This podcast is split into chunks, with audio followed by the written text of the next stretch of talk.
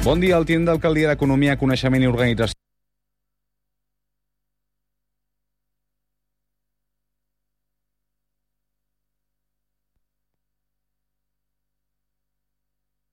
Cugat Ràdio 91.5, la ràdio de Sant Cugat.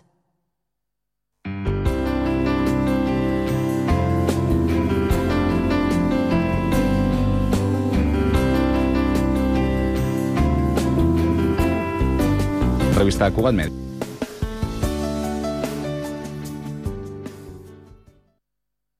estem parlant d'unes previsions no? de tancament del 2023 a l'entorn dels 25 milions d'euros i un cop definit l'objectiu de revertir la situació en un sol any, en 2024, és possible, i ho explico aquí públicament, igual que ho estic parlant amb l'oposició, que la xifra del 2023 empitjori per fer més viable la reversió de la Empitjori situació. de 25. Sí, és, és probable, vaja.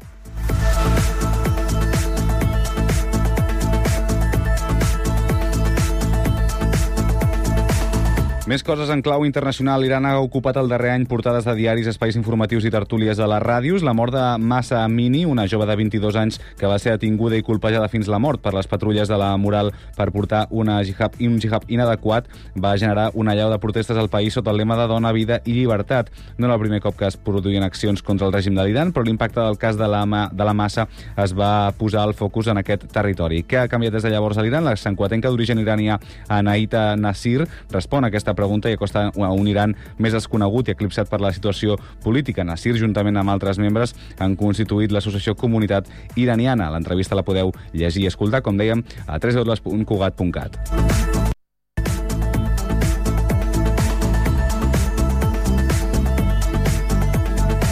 I en clau esportiva, el Sant Cugat Futbol Club continua innovant amb les presentacions espectaculars de temporada i enguany ha optat per una temàtica pirata per simbolitzar el tresor amagat dels valors que representen el club vermell i negre. Després de l'exhibició teatral, amb vaixell i tot, els 850 jugadors i jugadores que formen els 52 equips del Sancu han desfilat aquest dijous per la gespa d'una zona esportiva municipal Jaume Tubau, plena vessar, mentre rebien els aplaudiments de les famílies i de l'afició.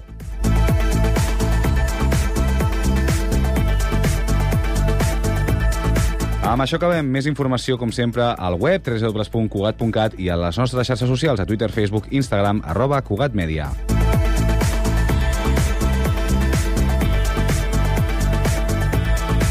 Cugat Mèdia, la informació de referència a Sant Cugat.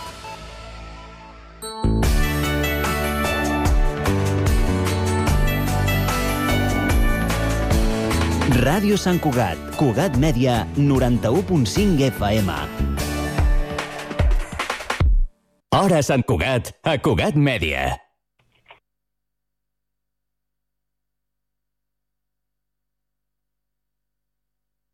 protestes a Iran.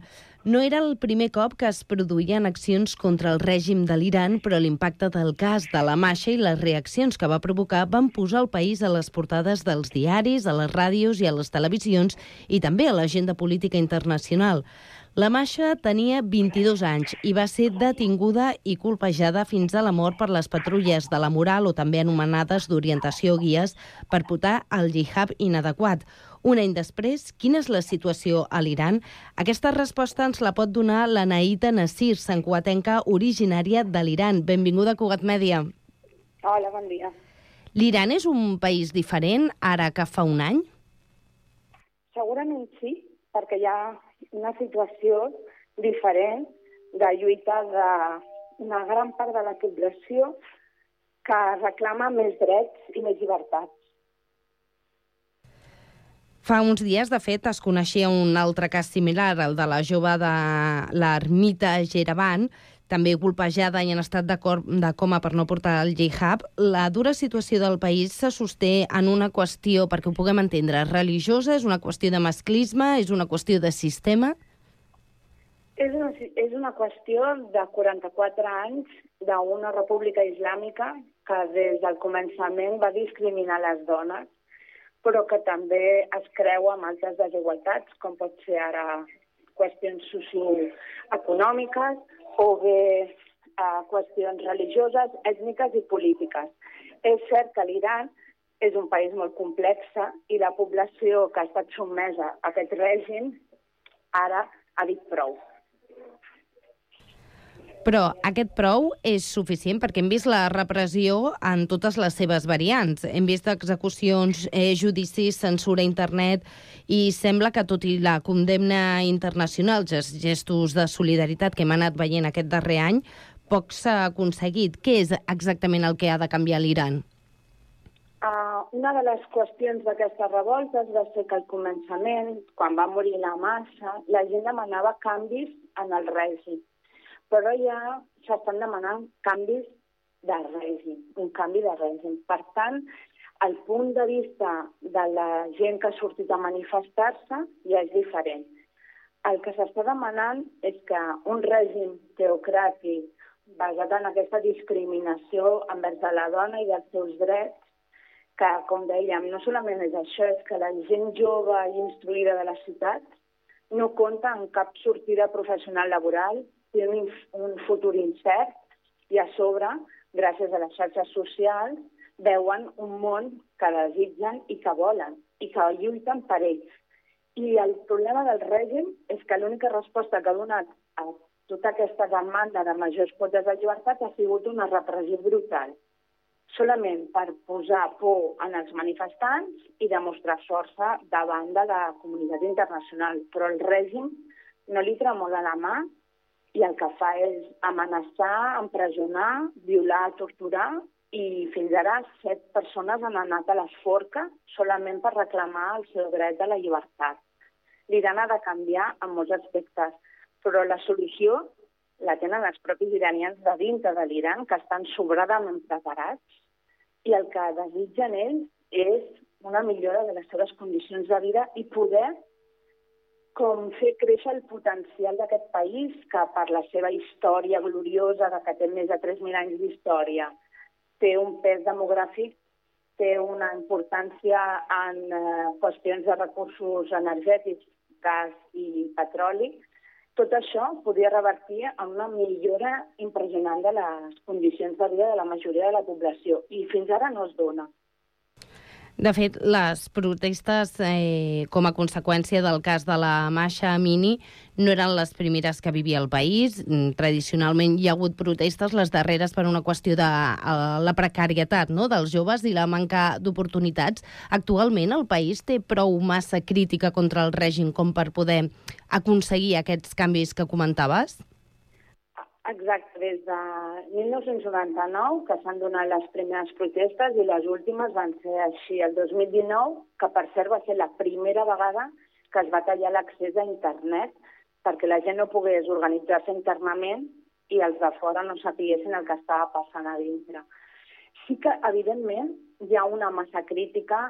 La majoria de la població iraniana eh, està en contra d'aquest règim. Existeix una escletxa enorme entre la classe dirigent i la majoria de la població iraniana perquè no veu satisfetes les seves eh, expectatives i les seves demandes de majors quotes de llibertat. El problema és que estem parlant d'un règim que porta 44 anys reprimint a la població, que sempre que ha sortit una persona que podia liderar un moviment d'oposició l'ha detingut. De fet, avui en dia a les presons iranianes està el gruix de les persones més importants pel futur d'un país. Estem parlant d'intel·lectuals, estudiants, defensors dels drets humans, eh, polítics, eh, defensors de les, com, com ara la nova Premi Nobel de la Pau, la Narges Mohammadi, ella segueix a la presó de fet, eh, fa res, uns dies es coneixia aquest eh, Premi Nobel de la Pau per aquesta activista que compleix condemna a una presó precisament per distribuir propaganda contra l'Estat. Aquest és el, el càrrec que té. Ser dona, activista i incòmoda a la República Islàmica és un còctel massa perillós a un país com l'Iran? Clar, estem parlant que més de la meitat de la població és dona i la majoria són joves. I és una massa crítica que veu que no es respecten els seus drets i les seves llibertats i el que desitgen és aconseguir una situació d'igualtat i d'equitat amb els homes. De fet, aquestes revoltes cada cop estan més secundades per homes que no volen que la seva mare, la seva esposa o la seva germana visqui en aquest entorn tan sufocant.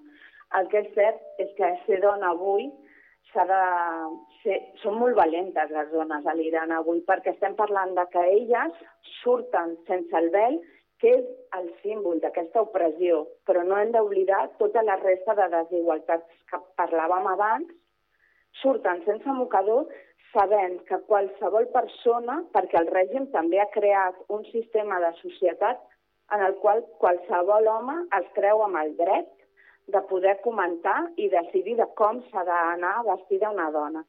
Són tan valentes que surten sense mocador i es troben amb tot aquest aparell repressiu que les pot arribar inclús a la mort, però elles segueixen sent valentes en el sentit literal de la paraula. Evidentment, això no és d'ara, no és un esclat degut a la mort de la massa, sinó que això és un caldo de cultiu, és una gota que ha fet vessar el got de 44 anys d'estar fartes de no ser sentides. Les dones a l'Iran sempre han sigut, eh, han intentat no ser silenciades i ho han fet amb la presència, anar a caminar, anar a passejar, anar a estudiar, a, a fer esport, estar present en petites lluites quotidianes amb el mocador una mica més enrere. Pintar-se les ungles sabent, per exemple, que a la universitat t'ho faran treure. És tot una, portar el, el, com la gabardina que han de portar sobre de la roba una miqueta més estreta o el mocador una mica més enrere que es vegi un floc de cabell. Tot això són petites lluites que elles han anat fent de resistència i és un símbol de resiliència i de que no volen renunciar a la seva lluita. Aquests gestos que ens comentaves és una qüestió estesa dins de l'Iran o a vegades és només les fotografies que ens arriben des d'allà? O sigui, realment hi ha aquesta consciència? La majoria de les dones són conscients de que els hi falten uns drets és veritat que també hi ha una part de la població conservadora o inclús del món rural on també és més difícil poder-te revelar, però sí que és cert que la majoria de les dones en les ciutats eh, i que han estudiat, perquè és una contradicció, però pel règim, per la revolució islàmica, l'alfabetització de la dona era un objectiu. I ara mateix hi ha més dones universitàries estudiants que homes i les dones sempre han estat en contra de la imposició de certs principis que han fet minvar les seves llibertats. Aleshores, és cert que quan es parla, normalment es refereix a les ciutats, però l'Iran és un país que ha, ha viscut un procés dels, des dels anys 60 de gent que marxava del camp cap a les ciutats. Tenen ciutats molt grans, per tant, la majoria de les dones es pot dir que de, en, millor, en major o menor grau el que volen són més quotes de llibertat. Tu vas néixer a l'Iran, vius aquí a Sant Cugat. Quina és la teva història, la teva relació amb l'Iran? Jo vaig néixer a l'Iran i sóc filla d'un exiliat polític iranià que es va casar amb una dona catalana i que em portaven sempre a collir bé les manifestacions contra el Shah i quan es van assabent, bueno, quan van viure l'autèntica naturalesa autoritària del règim, vam emigrar primer a Itàlia i ara des de fa més de 30 anys estem a Sant Cugat. Des de sempre aquesta nostàlgia paterna de que tornarem a l'Iran o créixer en un ambient d'un exiliat, sempre tens el país d'origen molt present. Aleshores, a casa hem parlat iranià, hem menjat eh, menjar iranià, eh, ens trobem amb persones de la comunitat o de la família i això, tot això ha marcat no solament la meva personalitat, la meva vida, sinó també els meus interessos professionals o acadèmics, i de fet l'Iran sempre ha estat al centre. Vaig estudiar Ciències Polítiques a l'Autònoma de Barcelona i sempre els meus treballs eren sobre l'Iran. Vaig fer el màster i l'Iran era al centre de la meva investigació i des d'aleshores, sempre que he pogut, doncs he donat visibilitat a una realitat de l'Iran, perquè és un país fascinant i ple de contradiccions, i, es, i sempre m'agrada fer com una mica aquesta faceta de pedagogia perquè coneguin l'Iran més enllà dels estereotips o de les imatges que t'arriben amb interessos occidentals. Perquè vosaltres hi heu deixat gent allà a l'Iran? Família, amics...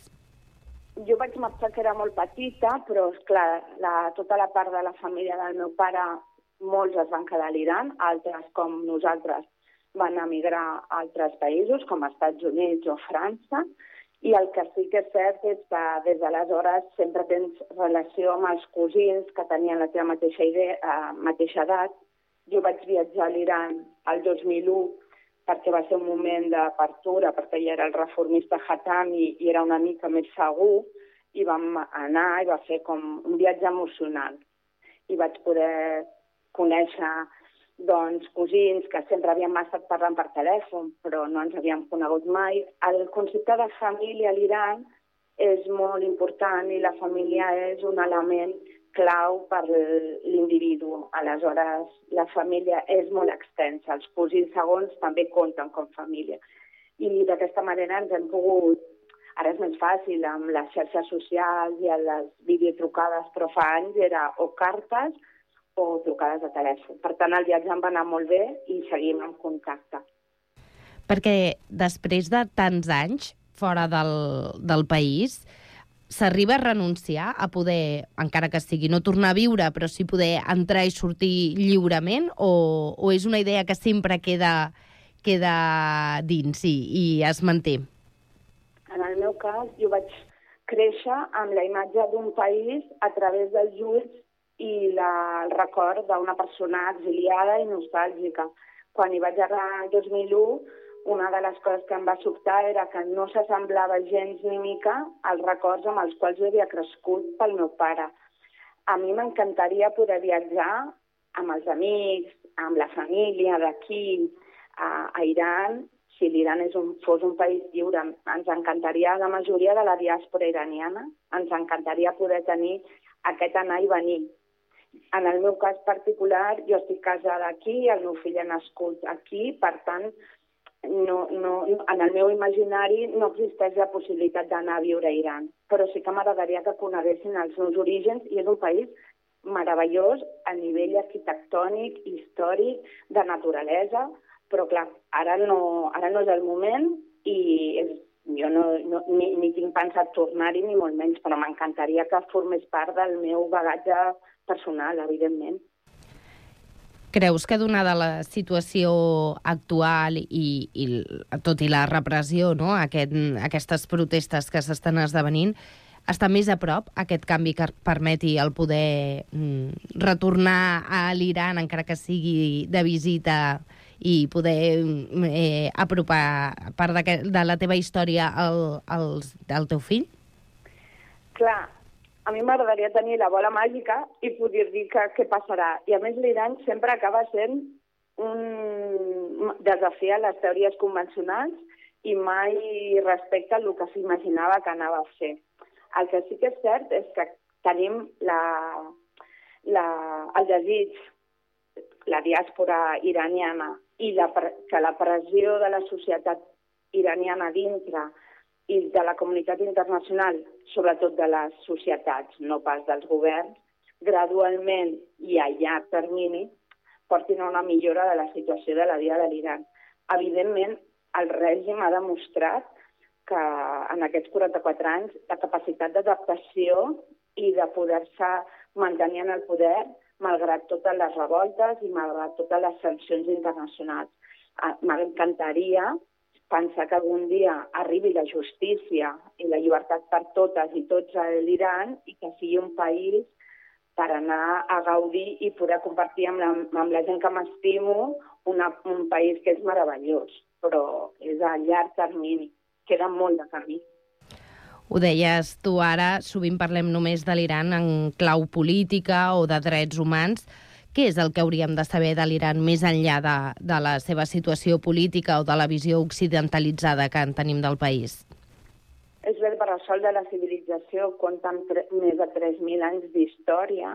És un país amb, una, amb un capital arquitectònic i històric impressionant.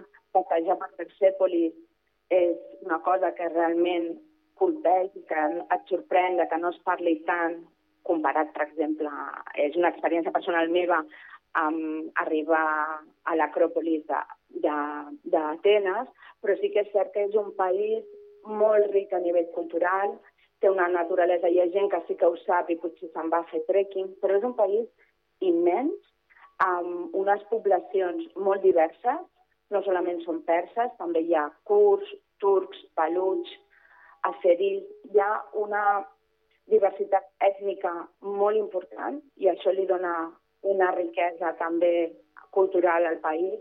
Hi ha una gastronomia que és espectacular i sembla molt més mediterrània del que per la zona que és mm, sorprèn perquè són sabors que agraden i evidentment el més important, però potser també el subjectiu, però sempre que m'he trobat amb gent estrangera que ha estat a Iran, el primer que et diuen és l'hospitalitat de la gent iraniana. Són unes persones que tenen moltíssimes ganes de saber què passa a fora, que volen tenir intercanvis culturals. És un país riquíssim a nivell de poetes, d'escriptors. Recomano buscar llibres d'escriptores i escriptors iranianes traduïdes al català o al castellà. Hi ha una tradició de cinema també molt important. A vegades sí que ens arriben pel·lícules, però a vegades no arriba tot. Ara hi ha una a filming meravellosa que es diu Querida, Beloved, i és un documental d'una senyora a les muntanyes com cuida els seus animals. És una senyora molt gran, però és una meravella poètica. L'Iran és moltes coses, és un crisol de, de cultures i ara mateix jo no aconsello viatjar a l'Iran, malgrat que sí que s'organitzen viatges, però sí que en el moment que fos més tranquil la situació és molt recomanable visitar-ho perquè té una riquesa que no t'ho imagines. Doncs, Anaïta, moltíssimes gràcies per compartir la teva història amb nosaltres. Gràcies a vosaltres.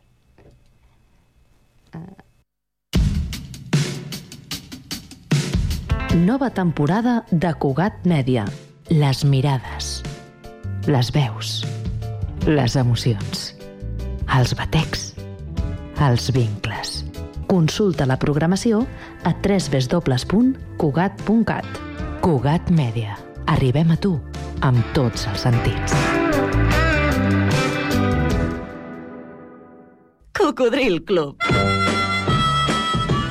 Si t'agrada la bona música dels anys 60, 70, 80, escolta Ràdio Sant Cugat els divendres a la nit de 10 a 12. És el temps del Cocodril Club, tot un clàssic de la ràdio. Recorda, divendres, de 22 a 24 hores, a Ràdio Sant Cugat, 91.5 FM. Cocodril Club, el programa revival de l'Albert Malla. Hasta luego, cocodrilo. No pasaste de caimán.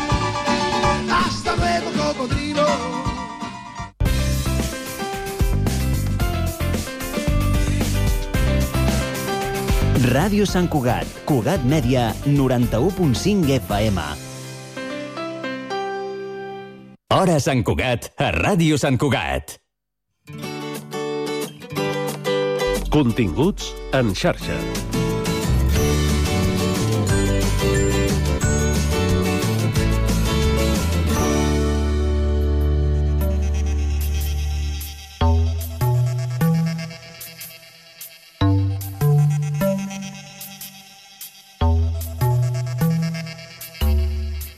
Una biòpsia líquida de llet materna podria ser útil en el futur per al diagnòstic precoç del càncer de mama. Aquest és el descobriment que han fet un equip d'investigadores i investigadors del Vall d'Hebron Institut d'Oncologia, que han comprovat que la llet materna de les pacients amb càncer de mama diagnosticades durant l'embaràs o el postpart conté ADN tumoral, circulant que podria servir per diagnosticar el tumor en etapes primerenques en el futur.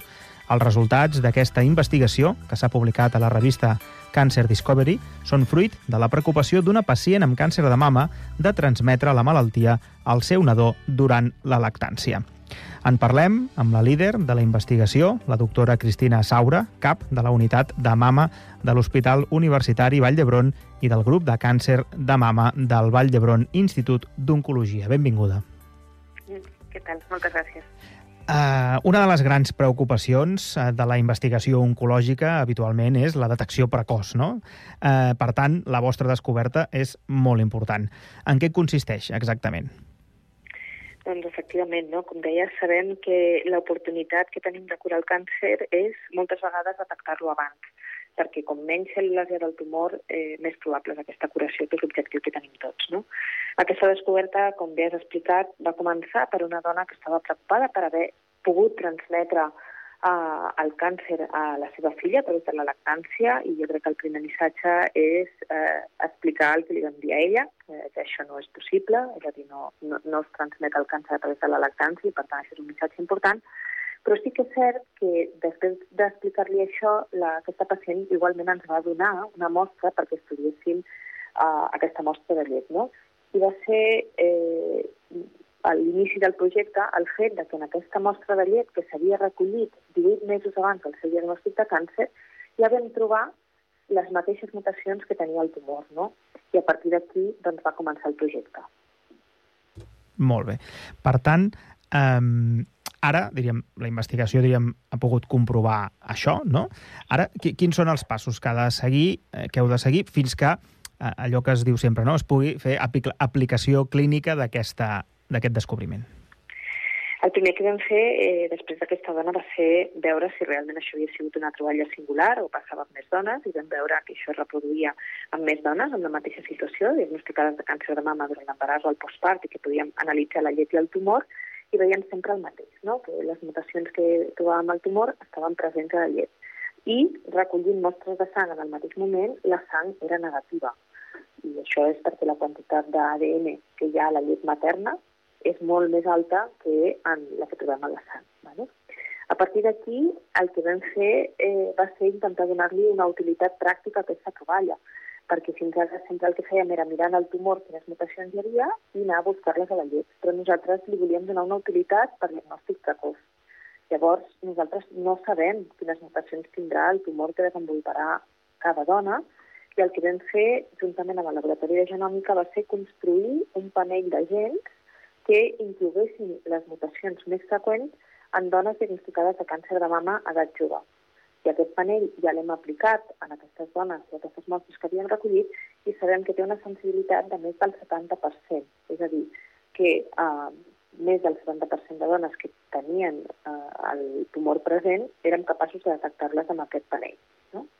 I a partir d'ara ens queda l'última part i la més important eh, per passar el que preguntaves al principi, no? l'aplicació pràctica. Ara hem de veure si realment aquest panell que hem dissenyat és útil per fer detecció precoç de càncer en pacients sanes, és a dir, que no tinguin un càncer diagnosticat. Llavors, en aquest moment ens trobem en la situació de que estem buscant finançament per aquest estudi, en el que el nostre objectiu és reclutar a 5.000 dones sanes eh, que tinguin factors de risc per patir càncer, com ser un embaràs a una edat avançada, hem establert els 40 anys com una edat eh, avançada, i després eh, dones sanes però que siguin portadores d'alguna mutació que sapiguem que augmenta el seu risc vital de patir un càncer de mama. Amb mutacions en BRCA1, BRCA2, PAL2 o RAT51C o D. Llavors, en aquesta situació el que farem és incloure les dones en el projecte i recollir mostres de llet i de sang i fer-los una ecografia al pit, que és la prova d'imatge que millor detecta un tumor durant la lactància.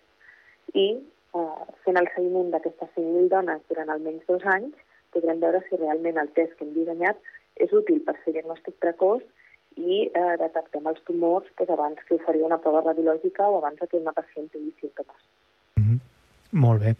Doncs eh, realment és un, un pas bastant eh, important i, i, i vaja, molt, molt, molt esperançador en, aquest, en aquest sentit. Um, per tant, um, així resumint, eh, quan parlàvem de la biòpsia, biòpsia líquida, no? és a dir, seria agafar una, uh, una, una, una dona sana, es pot fer una biòpsia quan es quedi, entenc que és quan es quedi embarassada, no? que és quan es produeix la, la llet materna, i en, en, si amb aquesta taula que, que heu produït i, i que eh, es genera, diríem, aquests dos anys es comprova realment la, la seva eficàcia, doncs es podrà detectar en una persona sana a través de la llet materna si té el risc en un futur de, de, patir, de patir càncer de, de mama. És així, sí, no? Seria, sí, seria recollir la mostra després del part, no quan es queda embarassada, sinó després del part, Després no? del part. Mhm. recollir la, la mostra de llet i llavors analitzar-la i fer el seguiment a partir d'aquell moment en el projecte, no? I Mhm. d'aquí uns anys esperem poder parlar no? i explicar-vos què ha passat amb aquests resultats no? I tant. I, veure si realment ja podem fer pues, una prova de diagnòstic precoç en el postpart, no? I seria recollir al final, si això funciona, el que impactaria en la pràctica habitual seria pues, el que avui fem amb els nadons, que fem la prova del taló, pues, podríem fer una recollida d'una mostra de llet per analitzar i descartar que aquella dona no tingués o pogués desenvolupar uh, un càncer de mama. Mhm. Molt bé. Llavors, amb, l'origen, no? poseu molt l'accent en, en com es va iniciar aquesta investigació. No? És, és habitual, diríem, iniciar una investigació d'aquest nivell amb, amb això, no? Amb, amb una pacient que us diu, és a dir, a ningú se li havia acudit vincular una cosa amb l'altra, no? Entenc, fins que algú t'obre la porta o et, o et, fa, et posa la llum en un, en un lloc concret. Bueno, la ciència moltes vegades avança per casualitat, no? Llavors, la dona realment no, ens ani- no anava perquè ella tenia una preocupació eh, i per la seva preocupació ens va donar una mostra de llet, nosaltres vam decidir analitzar-la i vam trobar unes mutacions i ens podíem haver quedat aquí. És a dir, podíem haver fet un paper o un manuscrit on haguéssim descrit doncs, que trobàvem les mutacions de la, del tumor a la llet i, i ja està. Però nosaltres a Bio ens caracteritzem doncs, per intentar fer la ciència útil no? i per portar-la a la pràctica. I no ens hem quedat aquí, sinó que a partir d'aquestes troballes dir, ostres, això com ho podríem utilitzar, no? I, i sabent de la importància de la prevenció i del diagnòstic precoç, doncs vam fer aquest esforç amb el laboratori de genòmica de dissenyar el panell de gens que ara volem tastar a veure si ens serveix, no? Però és cert que, que la recerca bàsica és superimportant i és clau per donar passos endavant, no? I, i és per on començar tota la recerca. Però un pas més és fer aquesta recerca translacional no? i donar-li sentit o utilitat pràctica a aquestes troballes, no? i és el que estem fent en el projecte i ens falta doncs, l'últim pas per comprovar que realment això Mhm. pugui ser útil o no, potser no ho és, eh? no, no ho sabem a dia d'avui, però, però estem il·lusionats i esperançats en que puguem obrir aquest camí eh, futur de tenir una nova prova per diagnòstic precoç de càncer de mama. Tant de bo sigui així. Perfecte. Doncs moltes gràcies, doctora Cristina Saura, cap de la unitat de mama de l'Hospital Universitari Vall d'Hebron, per explicar-nos aquest important avanç, eh, molt esperançador, com dèiem, i que haurem d'esperar aquests un parell d'anys que acabar la investigació al 100% i confirmar el que preveieu que pot ser, que pot ser així. Moltíssimes gràcies. Perfecte, gràcies a vosaltres per ajudar-nos a difondre el projecte.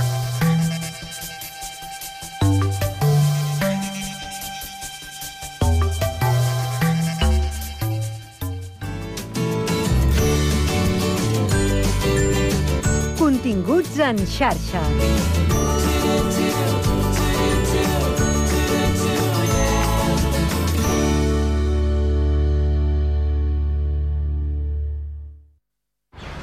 Estàs pensant a posar plaques solars a casa teva?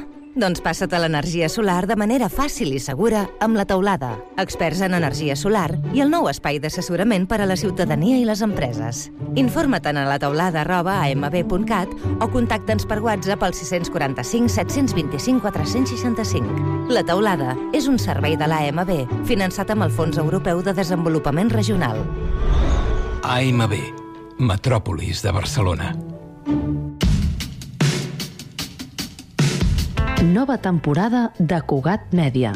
Les mirades. Les veus. Les emocions. Els batecs. Els vincles. Consulta la programació a www.cugat.cat.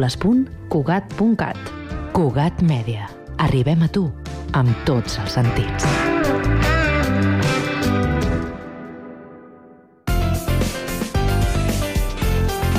Ràdio Sant Cugat. Cugat Mèdia.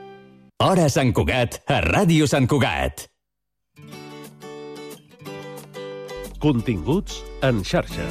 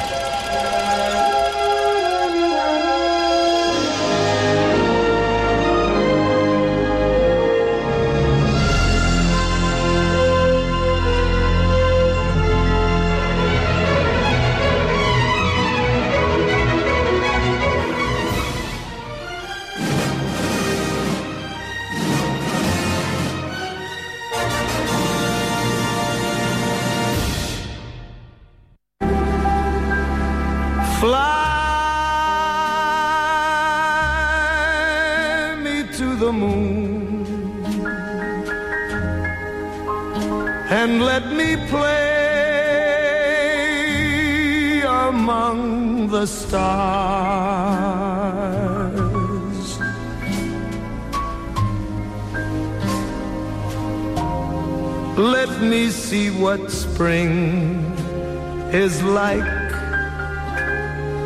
on Jupiter and Mars. In other words,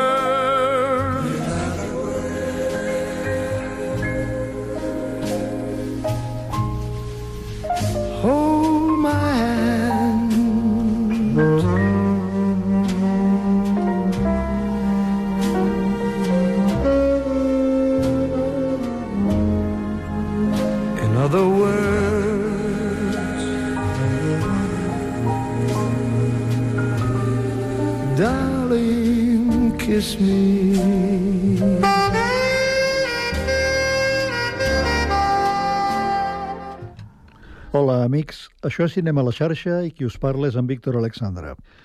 Aquesta veu amb què hem començat i que interpretava el famós estàndard Fly Me to the Moon, compost el 1954, era la veu de Tony Bennett, un dels grans crooners nord-americans de la que podríem dir que va ser la generació d'or en aquest camp, amb noms com Frank Sinatra, per descomptat, però també Bing Crosby, Dean Martin, Perry Como, Andy Williams, eh, Pat Boone o Nat King Cole.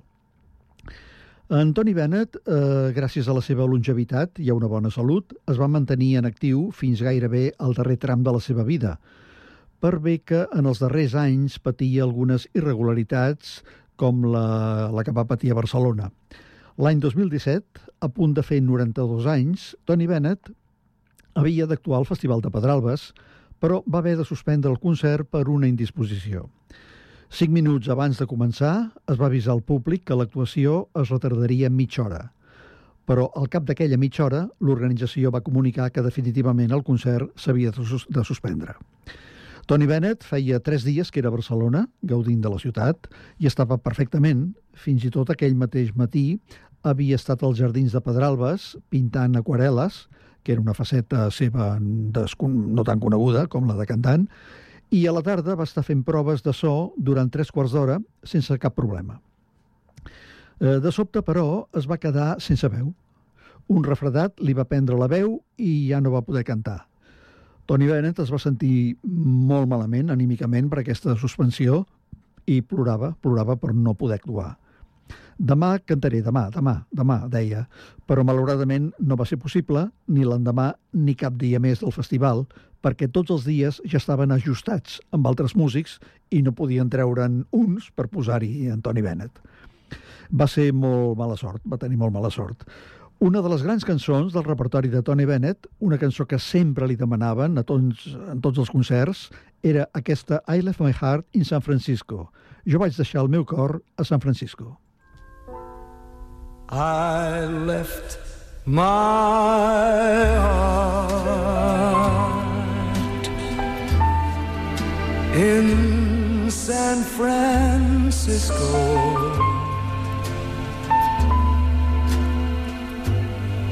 High on a hill,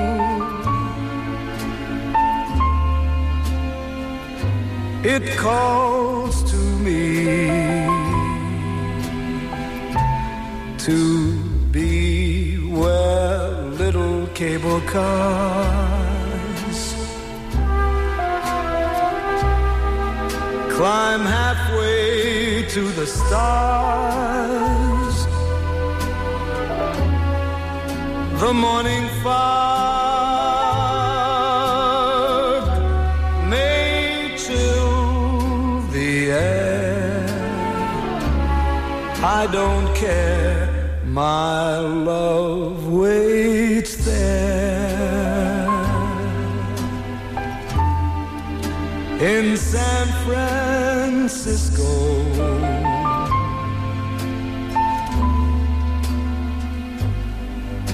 Above the blue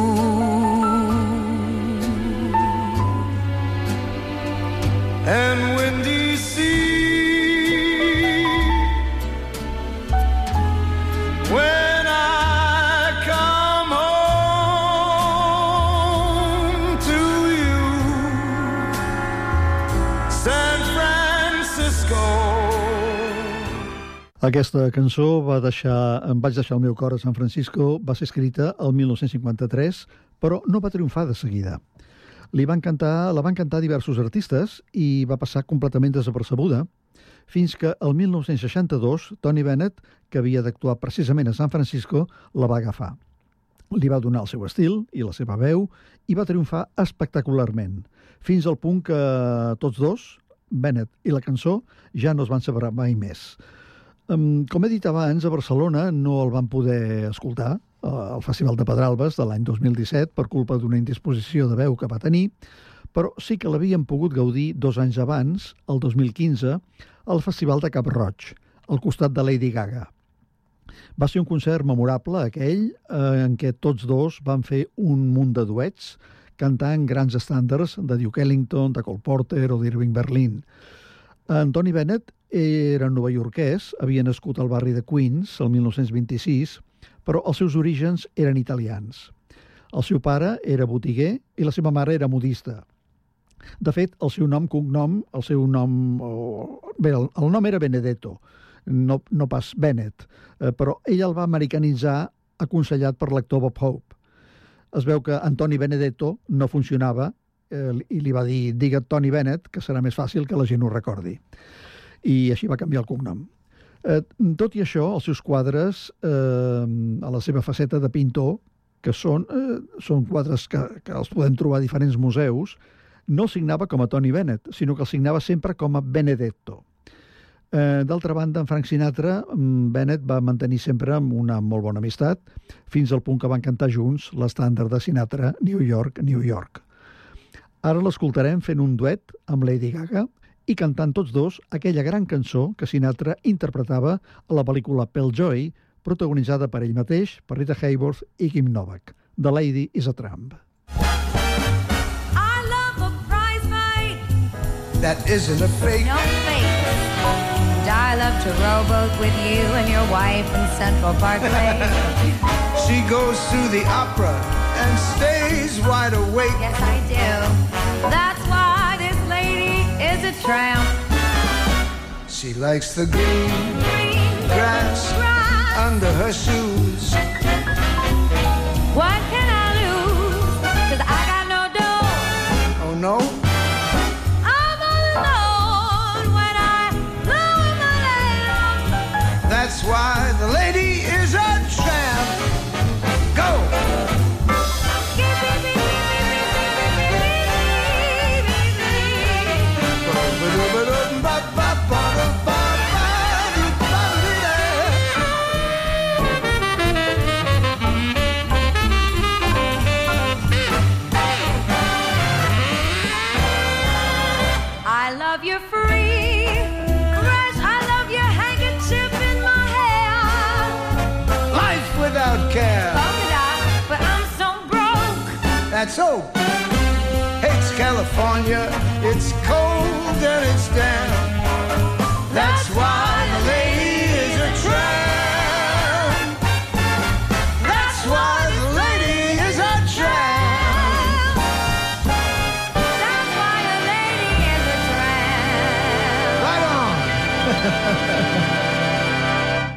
The Lady is a Tramp, en versió de Tony Bennett i Lady Gaga.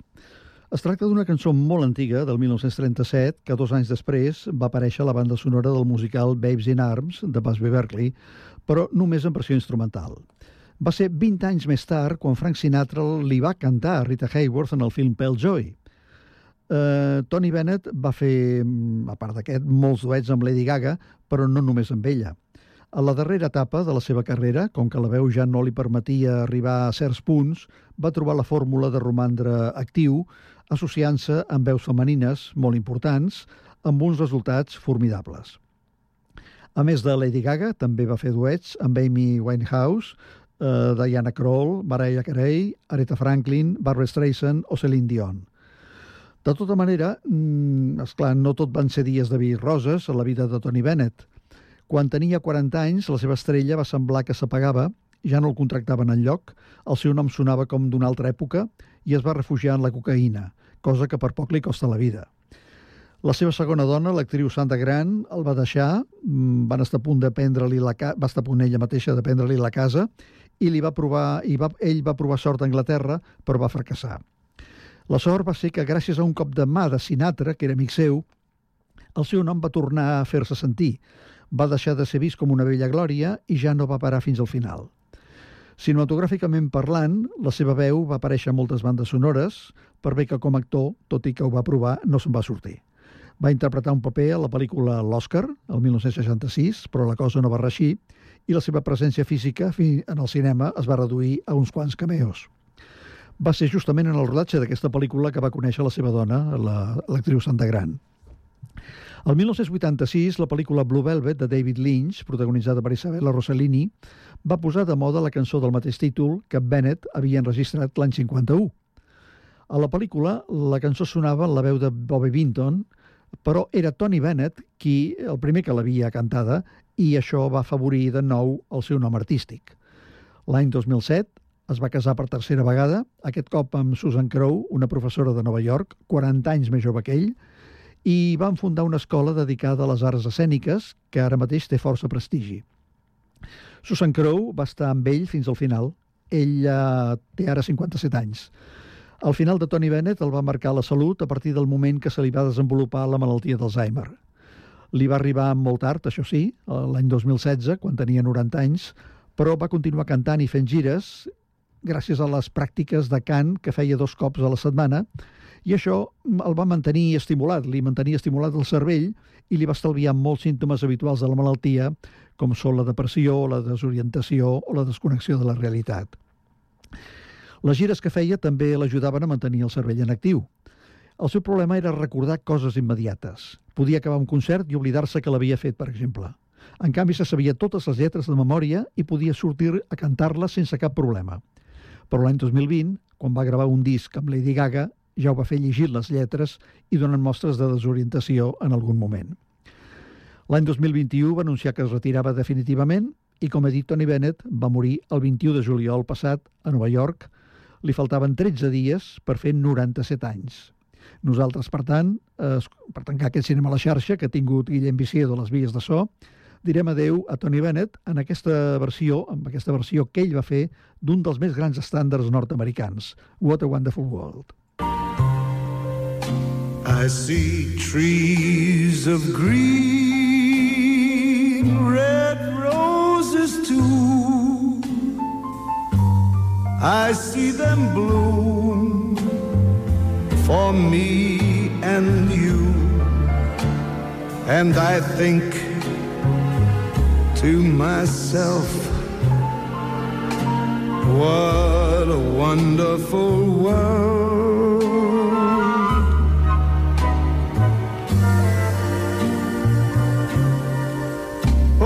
I see skies of blue and clouds of white, a bright, blessed day, and the dark, sacred night. And I think to myself, what a wonderful world.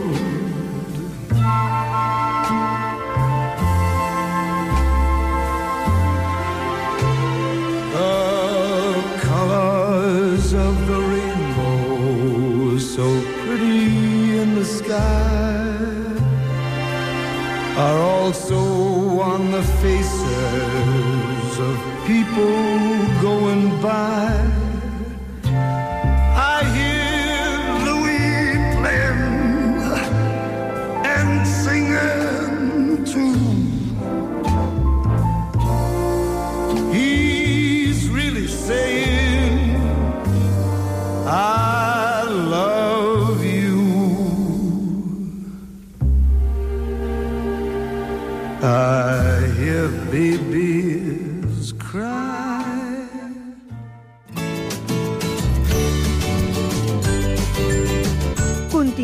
En xarxa.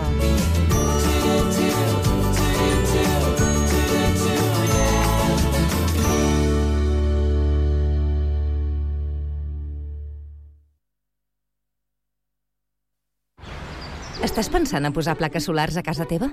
Doncs passa't a l'energia solar de manera fàcil i segura amb la teulada, experts en energia solar i el nou espai d'assessorament per a la ciutadania i les empreses.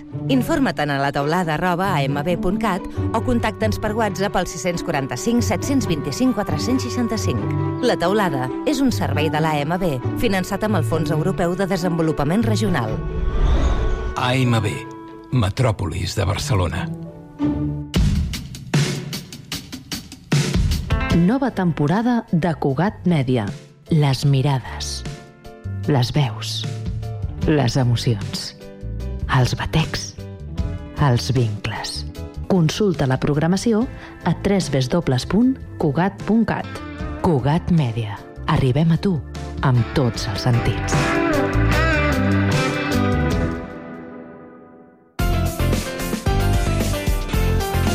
Ràdio Sant Cugat. Cugat Mèdia.